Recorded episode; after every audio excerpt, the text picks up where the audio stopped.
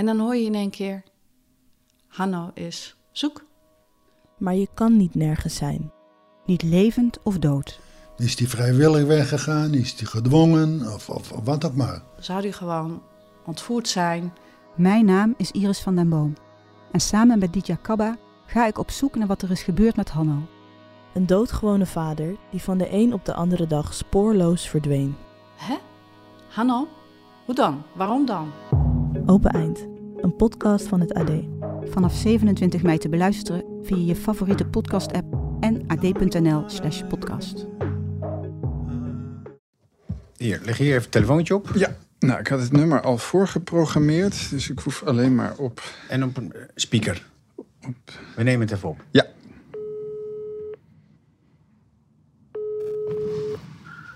Patrick. Het waren iets van 15 of 20 uh, jongens en meisjes. Dus het was een grote groep, uh, veel geluid en ja, heel veel dreiging. Je wist gewoon, dit, uh, dit gaat mis. Ze waren allemaal, zo leek het, heel bedreven in vechtsport. Konden goed schoppen, moedigden elkaar aan om dan karate-trappen te maken. en gingen dus steeds omste beurt, vielen ze me aan. Ik heb niet gehuild. Ik heb ook niet geschreeuwd, ik heb ook niet gesmeekt. En dat was ja, waar ik toen dan een soort flinkheid uithaalde. Uh, dat, dat ging ik heel erg benadrukken nadat het gebeurd was. Ja, en dat, dat was voor mij dan om te bewijzen dat ik, uh, dat ik mijn mannetje had gestaan.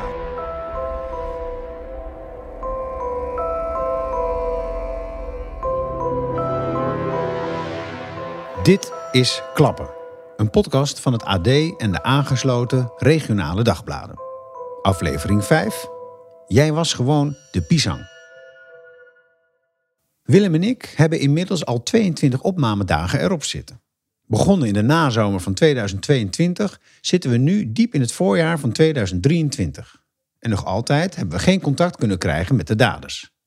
Wel is Willem, ironisch genoeg, vrienden met een van hen op Facebook. En we weten zo goed als zeker, met de gegevens uit de vonnissen, dat dit ook echt een van de daders is. Ik ben weer thuis bij Willem. En we zitten boven op zijn zolder op de vijfde verdieping hier van zijn appartement in Amsterdam. Ik ben hier om ons gesprek met socioloog Don Wenink voor te bereiden. Wenink doet onderzoek naar groepsgeweld en hij heeft heel veel wetenschappelijke artikelen gepubliceerd over dit onderwerp. Maar ik ben hier met nog een reden. Willem, vandaag gaan we op zoek naar de daders. Wat heb je zoal? Ja, nou, als je hier voor me kijkt, dan zie je daar uh, een stapeltje papier liggen. Uh, dat zijn de vonnissen van toen. Een oud lettertype nog, zo'n typletter. Ja, het is alsof het op een typemachine gemaakt is. Dat, dat zal wel niet. Uh, maar de vonnissen zijn van 16 september 1994. Ik heb er drie. ik heb drie namen, drie geboortedata, drie geboorteplaatsen en drie adressen van toen. Die zullen wel niet meer daar zullen ze wel niet meer wonen. Maar op basis van de namen die ik heb en de geboortedata, denk ik dat we een heel eind moeten kunnen komen in, met het vinden van de daders. Oké, heb je al iets gevonden dan? Ja, want ik ben natuurlijk al, toen ik de vonnissen kreeg, kon ik mijn nieuwsgierigheid niet onderdrukken. En ben ik natuurlijk al een beetje gaan zoeken. En heb ik in ieder geval twee van de drie, denk ik, gevonden te hebben. Online en ook echte foto's zie ik hier liggen. Ja. Ja, ja ik uh, ben, nou ja, ik dacht, ik denk op sociale media en met name Facebook, uh, want daar zit ik zelf dan, of zat ik zelf op. Ik heb mijn account geheractiveerd om dit, om dit te doen. Ja. Maar daar denk ik dat ik er twee gevonden heb. En Laat ik eens zien. Inderdaad, ook een foto van allebei. Oké. Okay.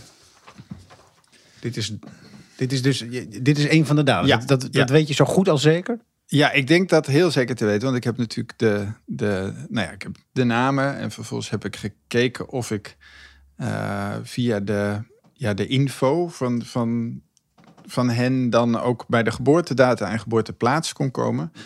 Nou, dat lukte met twee van hen. Eh, eentje is inmiddels ook vriend met me op Facebook. Dus daar weet ik eigenlijk vrij zeker van dat ik, eh, dat ik goed zit. Uh, en bij die ander eigenlijk ook wel vrij zeker. Alleen kan ik daar, nou, kom ik daar lastiger bij, omdat hij ja, dus geen, geen vriend van me is. En ik me ook Maar wat afvraag... grappig. Wat eigenlijk- sorry, het klinkt echt heel grappig. Eh, eh, jullie zijn dus vrienden. Ja, Dat vind ik een goed begin. ja. En hij heeft je teruggevriend, een van de twee. Eh, een van de twee heeft me teruggevriend. En nou ja, daardoor werd weer wat meer zichtbaar op dat profiel. Dus Ja. dat vond ik wel interessant. En de andere twee is een beetje de vraag hoeveel die nog op, eh, op eh, Facebook zit. Ik denk eigenlijk afgaand op de foto's niet zo heel erg veel. Heel sporadisch lijkt hij een berichtje te plaatsen. Dus ik weet niet of, eh, of Facebook daar het geëigende middel is om in contact eh, te komen. Maar bij die ander lijkt dat anders, want die eh, zit er volgens mij vrij veel op. Laten we ze nu even verdachten. Nee, laten we ze voor nu dan even dader 1 en 2 noemen. Ja. Is dat dader 1? Ehm, daar, die is met jou nu vrienden op Facebook. Ja, dat klopt. Ja. En dan heb ik hier dader 2. ja. Ik kan ze nu al omschrijven. Zal ik dat doen of zullen we daar nog even mee wachten? Nou, wat ik in ieder geval belangrijk vind, is dat dat niets herleidbaar is. En dat eh, vinden we denk ik allebei belangrijk. Weet je, het zijn daders. En de daders hebben hun straf gehad, want hier liggen ook de vonnissen. Zeker. Het is ook verjaard. Het is eh, allemaal lang geleden. Eh, dus ik, ik ben een, nou ja, hè, zoals we ook in deze podcast meerdere keren hebben gezegd, we zijn niet uit op, op een soort confrontatie of revanche, maar uit op een mooi gesprek.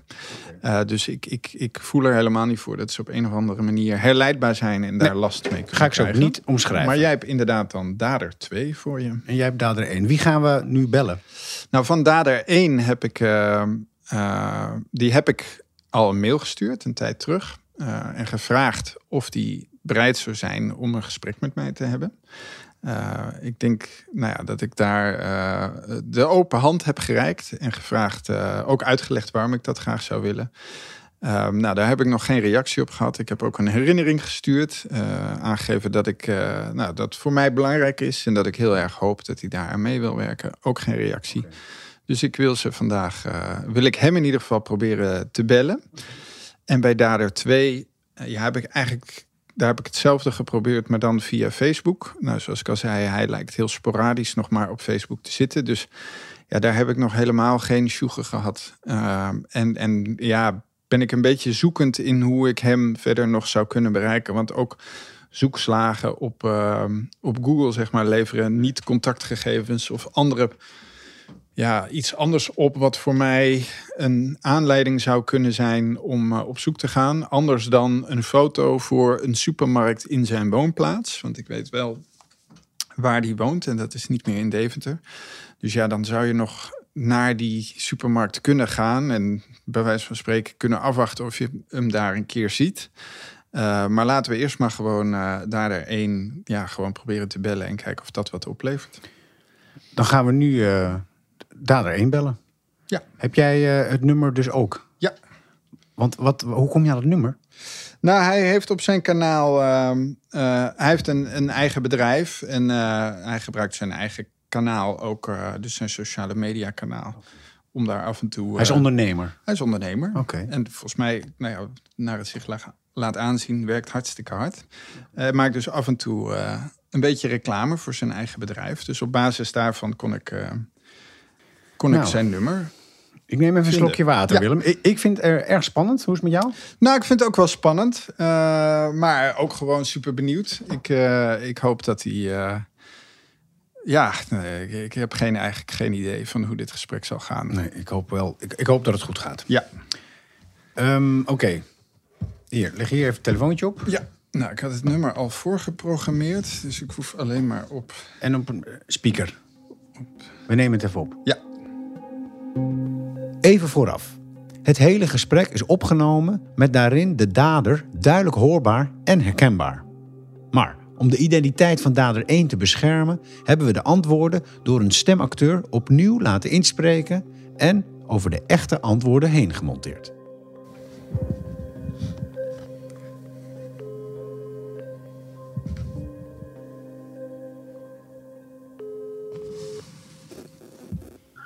Yo, Patrick. Dag, goedemiddag. Je spreekt met Willem Hinskens. Hallo. Hallo. Hi. Ik heb jou de afgelopen weken een paar keer gemaild. Met misschien een wat gek verzoek. Ik weet niet of je die mailtjes gezien hebt. Ja, ja, ja. En Ja. ik, eh, ik, ik kan heel goed begrijpen dat dat wat rare mails misschien voor je zijn geweest. En dat je denkt, nou, waar komt dit opeens eh, eh, vandaan? Ja, maar ik hoopte eigenlijk een keer met je te kunnen praten als je dat oké vindt. Ja, weet je wat het is? Ik heb het voor mezelf afgesloten. En ik wil niet weer wonden gaan openhalen en dat soort dingen. Maar ja, ik snap jou ook wel aan de ene kant. Ja, Maar het, het liefst hou ik er gewoon afstand van. Ik bedoel, ik heb daar ook een tijdje mee gezeten. Ik ben jong geweest. ja. Kijk, het is een hele grote fout geweest. Maar volgens mij ben jij het broertje van Benno, toch? Nee, ik, ik ben een broertje van Dick en een broertje van Casper en een broertje van Joost. Ik denk dat we wel wat gezamenlijke kennissen, eh, kennissen ook hebben. Ja, ja, ja. ja. Eh, en ik, kijk, ik weet dat het heel lang geleden is en dat, dat zo'n verzoek dan heel raar is. En waar denk je van, ja, waar komt dat nou opeens vandaan? Ja, waar was dat ook alweer gebeurd dan? Eh, kan jij Oostrik nog eh, herinneren? Ja, En daar heb je zo'n eilandje, had je daar in het water en daar stond... ja, ja, ja, dat Indianendorp was dat. Ja, en daar stond ik met, eh, met mijn twee broertjes en een vriendje stond ik te vissen toen. Ja, dat klopt. Ja, en eh, met Marco en met Raymond volgens mij. En even kijken wie er nog meer was. René. En eh, andere namen heb ik, heb ik eigenlijk niet. Maar ik, ik Ja, zoek ja, dus ja. een beetje naar... Ja, weet je, ik, ik was al benieuwd van, kan je je überhaupt nog herinneren? Maar daar is het antwoord al. Ja, ik kan me dat wel herinneren. Vroeger ja, ik was jong en ik liep mee. Ja, nee, het is gewoon een stommiteit geweest. En kijk, ja, jij was gewoon... Ja, jij was op dat moment, was jij gewoon eh, de pisang. Ja. Is, is, is dat wat het was? Want soms, ja, dat kan het natuurlijk ook gewoon zijn. Ja, weet je wat het is? Wij moesten binnen blijven hè, van onze ouders. Ja. Ik weet niet of je dat ook hebt meegekregen. Nee? Wij moesten toen in vakantietijd zes weken binnen blijven. En wij moesten brieven schrijven aan elkaar. Ja. Ja, serieus. Onze ouders hebben er echt kort op gezeten hoor. Echt waar? Ik moest de krantenwijk gaan lopen, verplicht om die 250 gulden geldboete te betalen aan jou. Ja. Dus eh, Er staat ook volgens mij in dat jullie nog in een soort tugschool hebben gezeten. Heb je dat ooit moeten doen? nee, ik zelf niet. Maar ik weet wel van die andere jongens. Ja.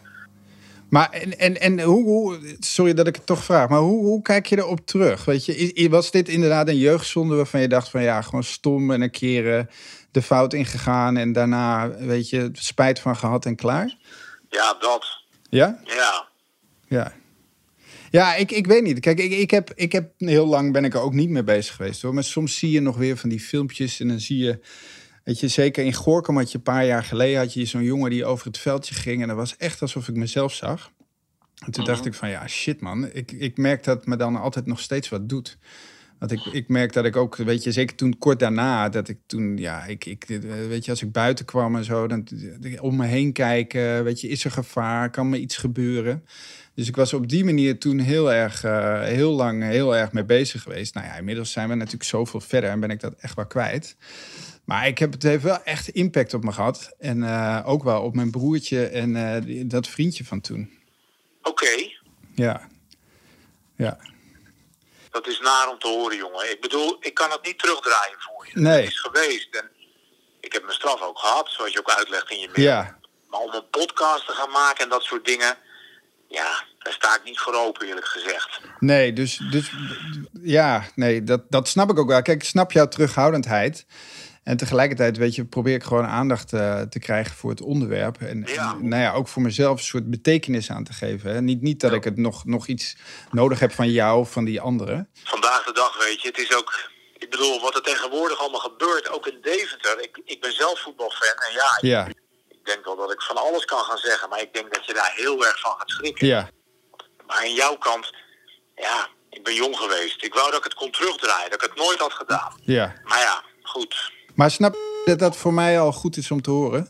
Ja, Ja, nou bij deze dan, jongen. ja dus dan... Hey, ik ga even heel kort af zijn, want ik werk voor mezelf en ik ben hier aan het werk en ik sta hier op uurtarief. Ja. Dus Ja, ik ga snap ik. eh, Snap ik. Maar als je nog vragen hebt, dan kan je me altijd terugbellen. Ja, dat doe ik. Oké, Is goed, jongen. dankjewel. Doei. Hoi, hoi. Nou, Willem, Ja, wat vind je ervan? Eh, ja, dit is een beetje een soort voetbalvraag kort na de wedstrijd. Eh, ja, ik, ik. Ik denk dat ik het even moet laten bezinken. Ehm, ehm, en ja, ja. Nou, en, en fijn dat hij. Weet je, we hebben nu kort gesproken. De- weet je, hij had ook direct op kunnen hangen. Hij staat me toch even te woord. Dus ehm, dat waardeer ik wel. Willem is beduust en opgelucht tegelijk volgens mij. Maar hij weet nog niet zo goed hoe hij het moet verwoorden. We stoppen daarom op dit moment met de opname en we gaan verder met onze voorbereidingen op het gesprek met de socioloog van de Universiteit van Amsterdam.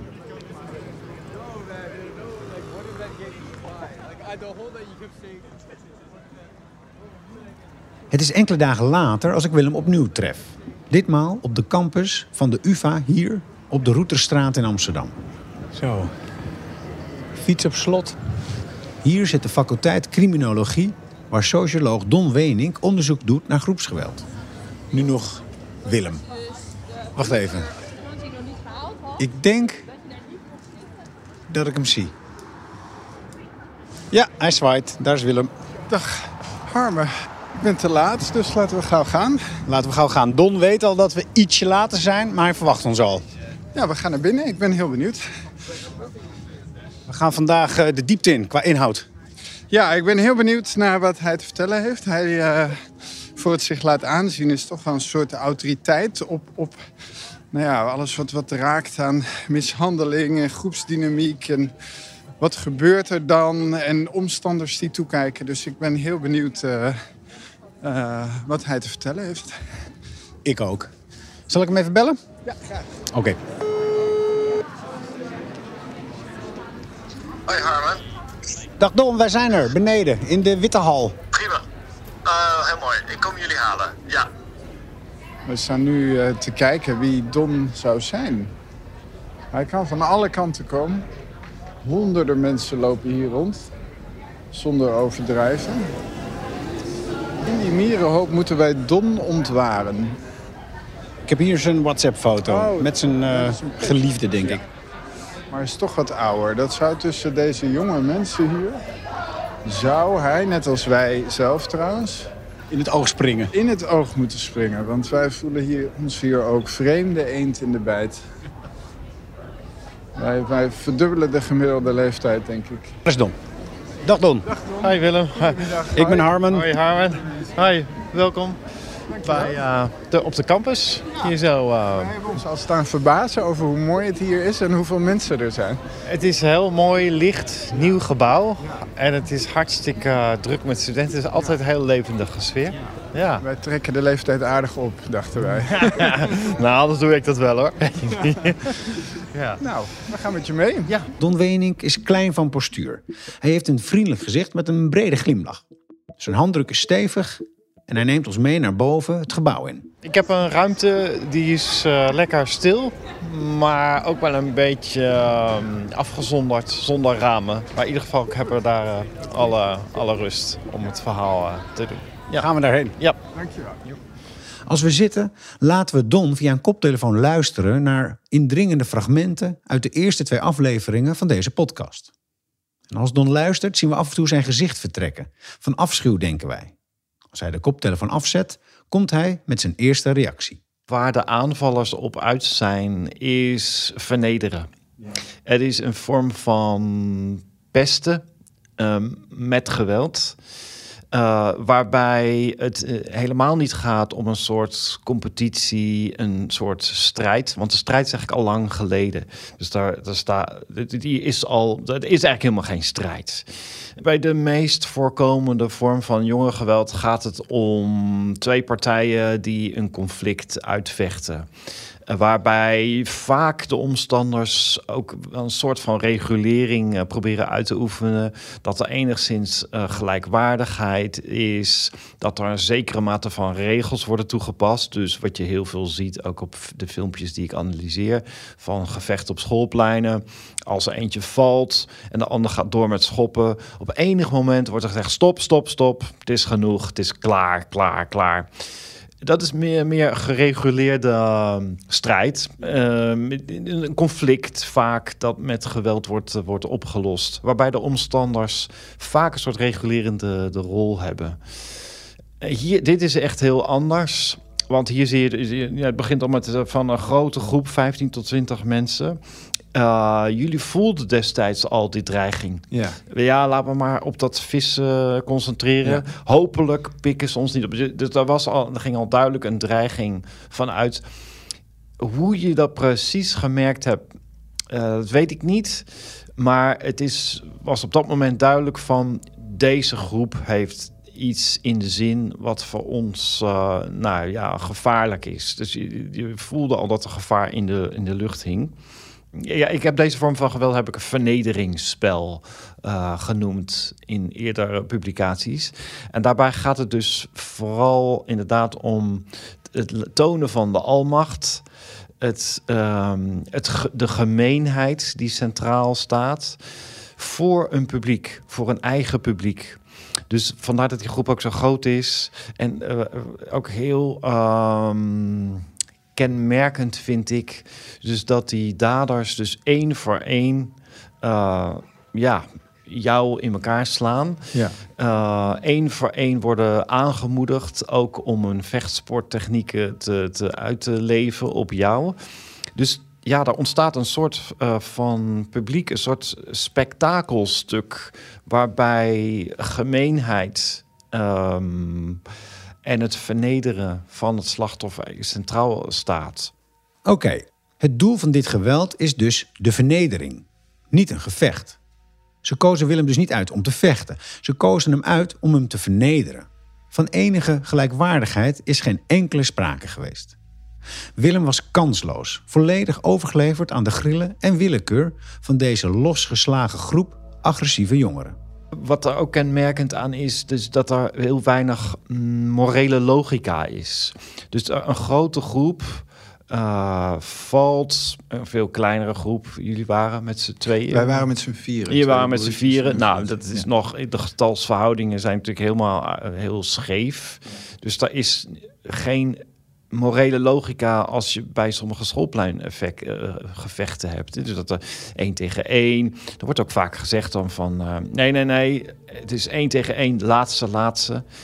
Fair fight is hier juist geen sprake van. Het moet juist niet eerlijk zijn. Want wij tarten op dat moment, deze groep, die tarten eigenlijk alle morele regels. En dat is zeg maar, het summum van dominantie. Ik zie dat Willem alles wat Don vertelt herkent. Hij was kansloos en weerloos. Ze speelden met hem, vernederden hem. Willem was volledig overgeleverd aan hun dominantie. Hoe het begon, hoe het zou eindigen, Willem had er geen invloed op. Ook een heel uh, voor mij herkenbaar moment met, van het sollen. Wat er in feite met jou uh, is gebeurd. Van um, de indruk wekken van: oké, nou is hè, hè, uh, het is over. Maar dan komt er nog een, een vreselijke kopstoot. En dat is, dat is ook, zeg maar, het onvoorspelbare hoort daar ook bij. Dus een, een, een gebrek aan morele regels, een gebrek aan voorspelbaarheid. Want je, ja, je, je denkt, het is over. Er wordt jou even tijd gegund. En dan bam, komen ze weer. Dus in andere voorbeelden um, die ik tegenkwam, zie je bijvoorbeeld dat iemand wordt geschopt, valt op de grond, wordt een paar keer geschopt. Nou, krijgt dan de gelegenheid om op te staan, rent weg. En dan denkt even het slachtoffer van, ah, ik ben er vanaf, maar dan gaat die hele groep erachteraan. En dat is ja, een beetje hetzelfde idee. Dus het is um, nog eens samen te pakken. Het heeft te maken met vernedering ten opzichte van een groep. En dat, dat laat dan de totale dominantie zien in de zin van wij kunnen doen met jou wat wij willen. Die, die van vernedering was natuurlijk eigenlijk vrij snel sprake. Want ik, ik, na de eerste paar klappen, ik was geen enkele partij. Ik heb ook inderdaad niks teruggedaan. Ik heb niet teruggeslagen. Eh, ik heb niet geschreeuwd, ik heb niet gesmeekt. Dat was voor mij flinkheid, want ik dacht daarmee laat ik zien dat ik, uh, hè, dat ik dat smeken, dat zat voor mij ja, iets heel belangrijks in. Wat ik daarna ook aan alle mensen heb verteld. Van ja, dat heb ik niet gedaan. Ik had niet teruggeslagen, maar ik heb ook niet gesmeekt. Dus ik, ik, dat was wel iets van flinkheid. Uh, maar die, die vernedering, ja, daar was direct al sprake van. Want ik, ik was geen enkele partij. En ik, ik weet zeker, ze hebben natuurlijk de angst wel echt gevoeld. Zo, zoals ik hun dreiging voelde, hebben ze ook mijn angst gezien en gevoeld. Dat kan niet anders. Ja, Hey, dat, dat denk ik ook. Um, en zeg maar die inleiding van jouw vragen te stellen. Uh, en dan, ja, dan op zoek naar iets wat niet klopt. het kleinste detail eigenlijk totaal niet, niet zo relevant. Uh, maar vormt dan een, een aanleiding. Um, en wat je ook gezegd had, had dat, dat was altijd verkeerd geweest. Er was altijd wel een reden geweest uh, om, jou, uh, om jou te pakken. Dus het had ook kunnen zijn, bij wijze van spreken, van wat zielig voor die vissen in die vijver.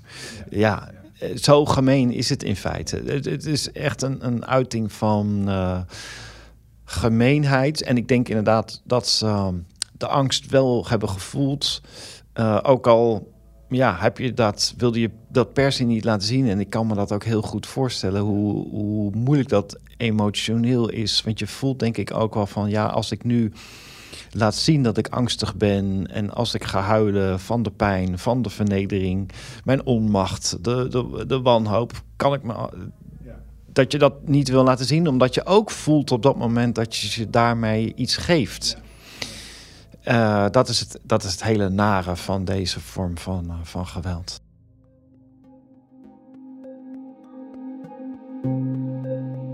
Maar wat bezielt zo'n groep jongeren? Waarom gaan ze op pad om geweld te plegen? Waarom is het zo laf en gemeen? De wetenschap heeft er een treffende term voor. Ja, ze noemen dit ook wel eens uh, wolfpacking. Dat is een Amerikaanse term uit Amerikaanse literatuur van nou, een groep wolven die op zoek gaat naar een geschikt slachtoffer. En die wolven die, uh, die bereiden zich voor emotioneel. Er zijn vaak wel een aantal een kleiner groepje binnen die grote groep die het initiatief neemt. Uh, dat zijn vaak ook de jongens en meiden die van thuis uit of op straat gewend zijn aan geweld, die een zekere vertrouwdheid hebben met geweld, uh, die dus vaker hebben meegemaakt. Uh, en dan bedoel ik niet alleen dat ze dus op de sportschool die techniek hebben geleerd, maar ook meer van dat ze geweld relateren als een manier om uh, conflicten op te lossen, maar ook in rela relateren aan ja, het kunnen vernederen van mensen. Um, en die nemen dan het voortouw.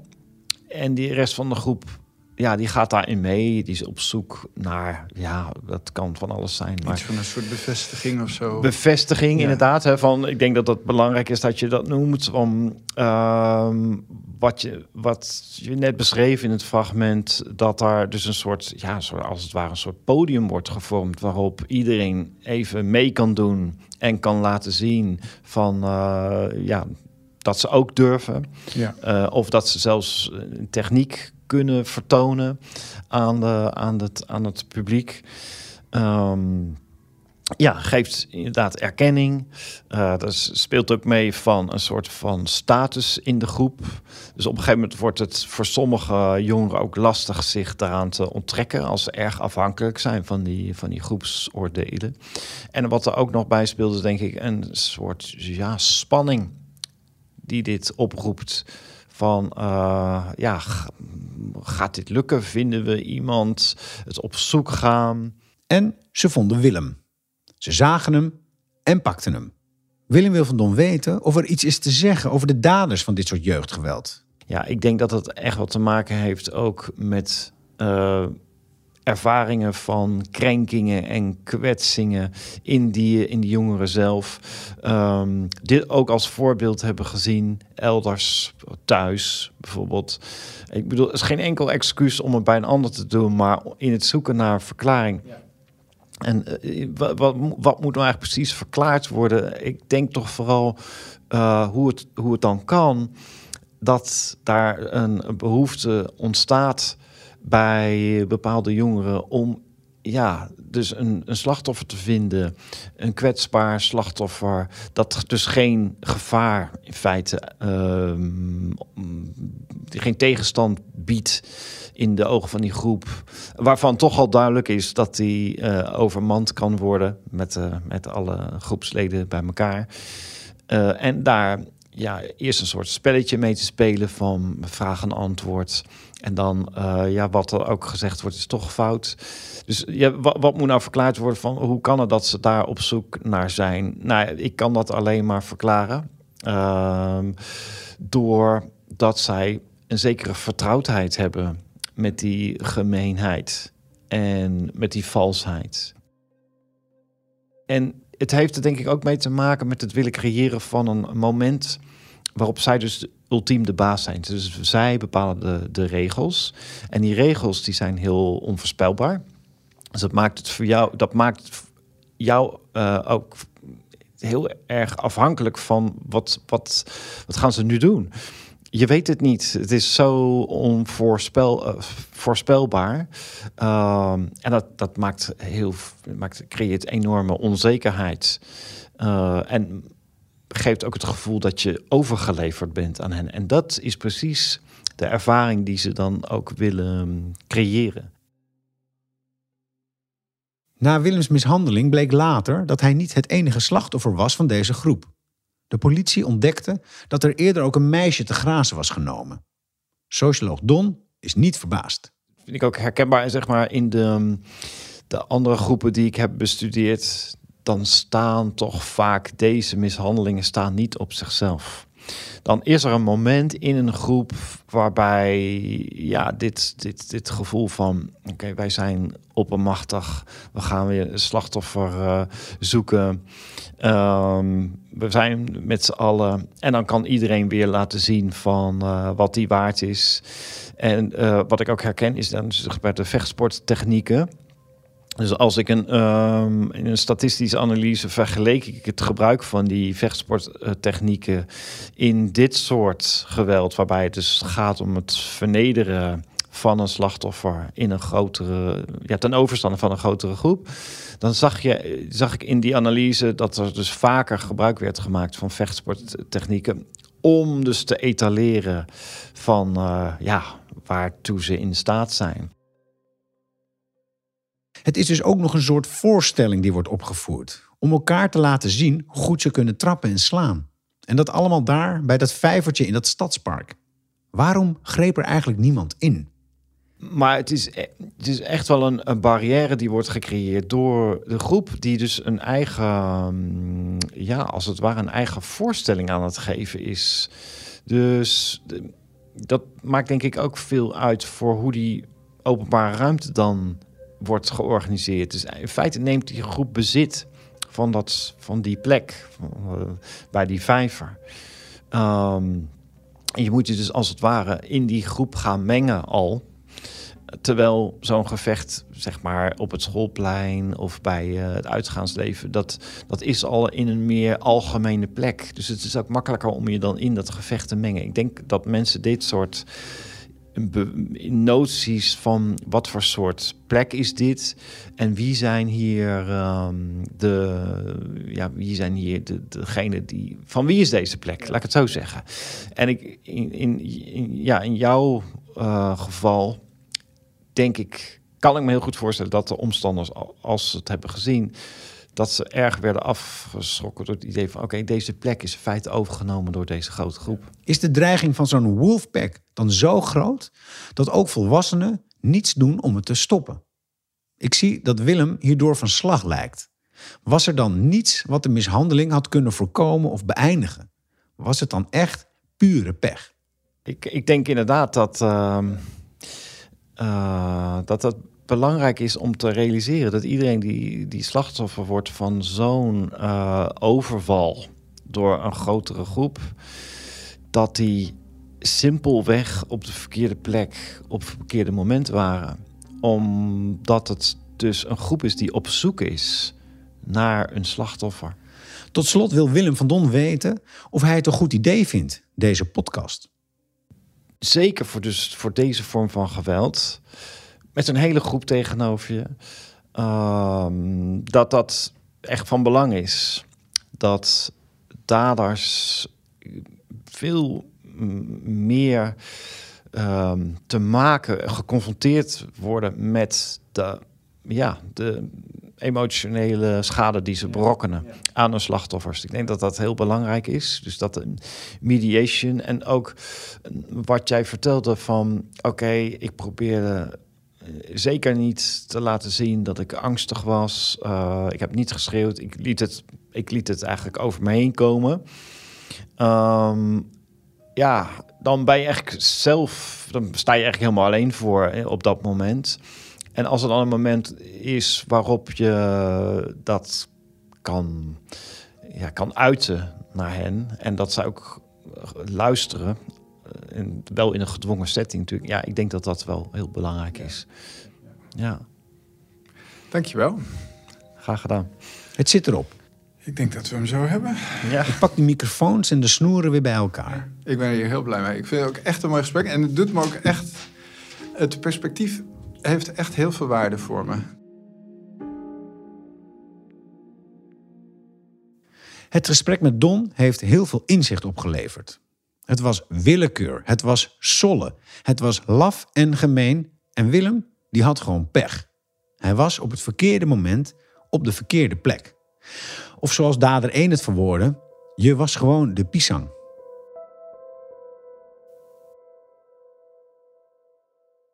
Willem heeft ondertussen een paar dagen het gesprek met dader 1 kunnen laten bezinken. En nu vind ik het tijd om er opnieuw naar te luisteren en er wat dieper op in te gaan. We zitten weer op zolder bij Willem thuis. Nou, we hebben net teruggeluisterd. Eh, kijk, wat ik fijn vind, is dat hij het zich herinnert. Eh, dat hij wel iets van rekenschap aflegt. Ja, hoe dan? Ehm, nou, hij loopt er niet van weg. Hij zegt niet van, oh, ik heb niks gedaan, of ik weet het niet meer, of het waren vooral de anderen. Eh, dus ik vind wel dat hij, nou ja, wel staat voor, voor hè, bij wijze van spreken, wat hij gedaan heeft. Ehm, en dat, dat vind ik prettig. Een paar vragen eh, loopt hij wel een beetje van weg. Of voel je wel wat ongemak? Nou, dat ongemak voel je bij mij natuurlijk ook hè, als je luistert. Want ik probeer hem aan de ene kant ja, dingen te vragen en tegelijkertijd aan de lijn te houden. Weet je, proberen dat hij niet. eh nou, daar ging hij wel in mee. Erop gooit. Daar Ja, ging hij wel in mee. mee. Ja. Want hij, hij luisterde ook echt op een gegeven moment naar je. En hij had de mails gelezen. Dus hij, hij was niet helemaal. Het kwam niet helemaal als een verrassing voor hem. Nee. En hij, hij leek bereid om met jou even mee te gaan. Terug naar die Ja. tijd. Hij, hij vraagt zelfs. Waar was het ook alweer? Ja. Dus hij nodigt je bijna uit van. Nou, vertel maar even hoe, jij er, hoe, de- hoe je dat beleefd hebt. En toen luisterde je wel. Nee, daarom dus. Dat, dat, zo luister ik het nu ook terug. En dat, dat is ook wat ik hoor. Kijk, voor mij in het gesprek... eh, hij erkent wel schuld. En tegelijkertijd zegt hij ook Ja, niet... erkent hij echt schuld? Ja, vind ik wel. Hij zegt geen, alleen geen sorry. Maar goed, hij zegt wel stommiteit, jeugdzonde, had ik niet moeten doen. Nou, dat herhaalt hij ook een paar keer. Ja, dat is waar. Kijk, wat ik in het gesprek met hem ook eh, zeg en eerder ook eh, wij ook besproken hebben. Ik, ik had van hem niet verder iets nodig. Dus dat, dat heeft mij niet nu, weet je, Maar opeens iets gebracht. Nee, maar excuses geeft hij niet. Nee. Maar die zou je, had je daar wel op gehoopt? Of vind je het nog? vind je Nee, dat- nee, Nee. nee, Ik vind het fijn dat hij, dat hij opneemt, Ja. dat hij me te woord staat, dat hij er niet van wegloopt. Ehm, dat hij wel zegt van ja, stommiteit, jeugdzonde, ik was een eh, meeloper en ik had het niet moeten doen. Nee, ja, dat is wel waardevol. Ja, en dat, eh, ja, dat, Hij dat geeft inzicht in, in zijn eigen handelen. Ja. Wat mij ook opvalt, Willem, misschien jou ook, is dat hij, ehm, eh, hij, hij snapt en voelt dat hij jou iets ergs heeft aangedaan. Ja, Maar hij lijkt een soort van dat in balans te willen brengen door ook zijn leed met jou te Ja. delen. ja. En dat is natuurlijk een beetje een rare manier van de weegschaal gelijk trekken. Want ehm, het leed wat hij jou heeft aangedaan, dat moet eigenlijk losstaan van het leed wat hij daarna heeft gekregen. ja of ik- nou, ik vind niet dat hij zielig doet. Dus ik, ik Maar hij, wil, wel- hij noemt het wel heel nadrukkelijk Ja, van... weet je wel wat mij ook is overkomen? Ik moest zes weken binnen blijven. Ja, ik denk dat hij vooral wil benadrukken dat hij zijn straf gehad heeft. Want hij zegt dat verderop in het gesprek ook nog Ja. een keer van hè, ik heb mijn straf gehad. Eh, hij wil denk ik mij, en dat wist ik oprecht niet, nog vertellen van weet je, behalve die straf heb ik er thuis ook nog eh, een flink wat straf gekregen. Ehm, dus ik denk dat hij vooral wil benadrukken van eh, ik heb jou iets vreselijks aangedaan en ik ben daar goed voor gestraft. Zo, zo luister ik dan. Wat vond je ervan om te horen dat zijn ouders, zoals hij zelf zegt... er bovenop zaten? Ja, en hem, supergoed. ja, hè? Ja, dat is, dat is fijn. En eh, Dat geeft toch betekenis, lijkt mij ook voor jou? Ja, ja. ja, Kijk, ik, ik wist dat natuurlijk eh, absoluut niet. Maar ik vind het goed. Dat, ik denk dat dat heel goed is. Dat ouders hem binnengehouden hebben, gestraft hebben... een krantenwijk laten lopen. Dat vond ik heel mooi dat hij zei. ehm, ik heb dus eh, verplicht een krantenwijk moeten nemen... om Ja. die geldboete aan jou te betalen. Ja. Wat heb jij met dat geld gedaan, Willem? Ik ben er van op skivakantie geweest. Kijk. dus hij ploeteren en jij lekker daarvan op vakantie. Maar Ik- dat is mooi. Ja, Dat moeten we hem eigenlijk nog vertellen. ja. Dit was aflevering 5 van Klappen. Een podcast van het AD en de aangesloten regionale dagbladen. Mijn naam is Harmen van der Veen en deze podcast maak ik samen met Willem Hinskens. Het sounddesign en de mixage zijn in handen van Cloak. Eindredactie Daan Hofstee en projectmanagement Manon van der Knaap. Speciale dank ook aan Jelle Visser. Hij leende zijn stem aan Dader 1. Meer podcast van het AD luisteren? Ga dan naar ad.nl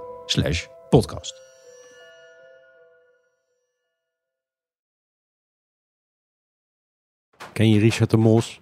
Die ooit zo'n succesvolle Haagse wethouder die alweer jarenlang als corruptieverdachte door het leven gaat. Binnenkort begint de rechtszaak. De media spreekt over de grootste corruptiezaak die Nederland ooit gekend heeft. In de podcastserie OO de Mos onderzoek ik, Niels Klaassen, de methode de Mos. Dan haalt hij het op en dan zeggen ze cliëntisme. Ja, wat moet hij dan? Wat moet hij dan? Ik sprak aanhangers, critici, de Mos zelf en probeer antwoord te geven op de vraag welke belangen hij nu werkelijk dient. Netwerkcorruptie.